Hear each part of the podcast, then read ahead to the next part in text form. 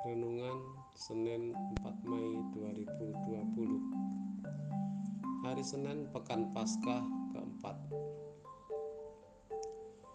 Bacaan Injil hari ini dari Yohanes bab 10 ayat 11 sampai dengan 18 Marilah kita hening sejenak Dalam nama Bapa dan Putra dan Roh Kudus. Amin. Marilah berdoa. Allah, pangkal kehidupan semua insan, Engkau telah memanggil para korban COVID-19 untuk menghadapmu. Semoga arwah mereka kau ampuni dosa dan kesalahannya sehingga mereka hidup berbahagia di sisimu. Amin. Tuhan beserta kita sekarang dan selama-lamanya. Inilah Injil Yohanes bab 10 ayat 11 sampai dengan 18. Dimuliakanlah Tuhan. Akulah gembala yang baik. Gembala yang baik memberikan nyawanya bagi domba-dombanya. Sedangkan seorang upahan yang bukan gembala dan yang bukan pilih domba-domba itu sendiri. Ketika melihat serigala datang, meninggalkan domba-domba itu lalu lari, sehingga serigala itu menerkam dan mencerai beraikan domba-domba itu. Ia lari karena ia seorang upahan yang tidak memperhatikan domba-domba itu. Akulah gembala yang baik, dan aku mengenal domba-dombaku dan domba-dombaku mengenal aku. Sama seperti Bapa mengenal aku dan aku mengenal Bapa. Dan aku memberikan nyawaku bagi domba-dombaku. Ada lagi padaku domba-domba lain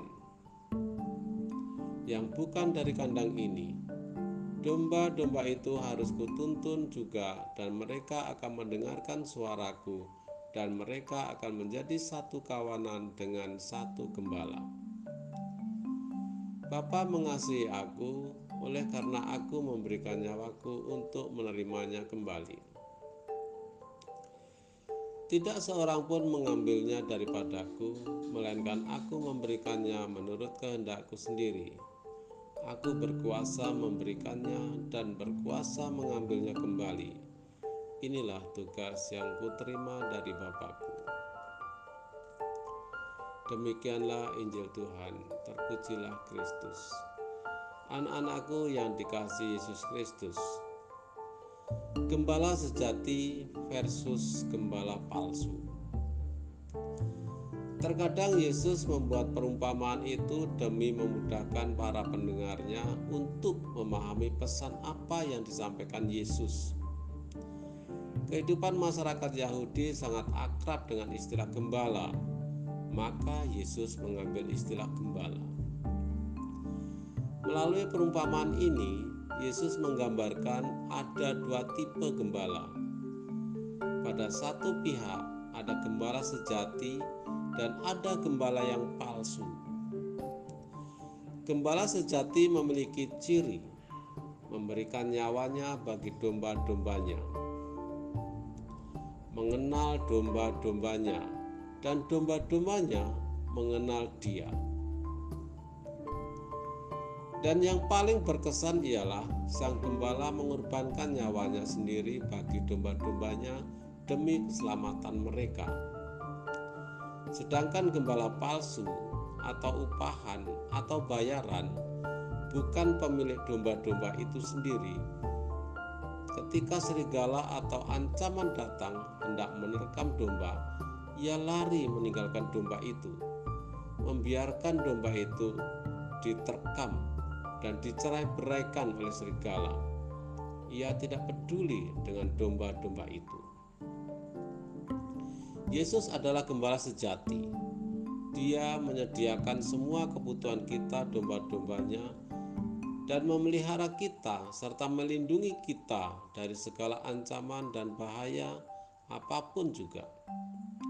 Maka kita sebagai pengikut Yesus tidak perlu khawatir akan kekurangan Tuhan memberikan rahmat yang berlimpah. Bahkan ia telah menyerahkan nyawanya sebagai korban bagi penebusan dosa kita. Ia rela mati bagi kita sebagai kawanan domba gembalanya. Itu membuktikan bahwa ia sungguh peduli dengan kondisi keberdosaan kita. Mari kita mengandalkan Dia saja dalam memperoleh hidup yang kekal dan berkarya dalam tuntunannya. Dialah satu-satunya gembala sejati penyelamat umat manusia. Dia akan menuntun kita senantiasa sepanjang segala abad. Amin.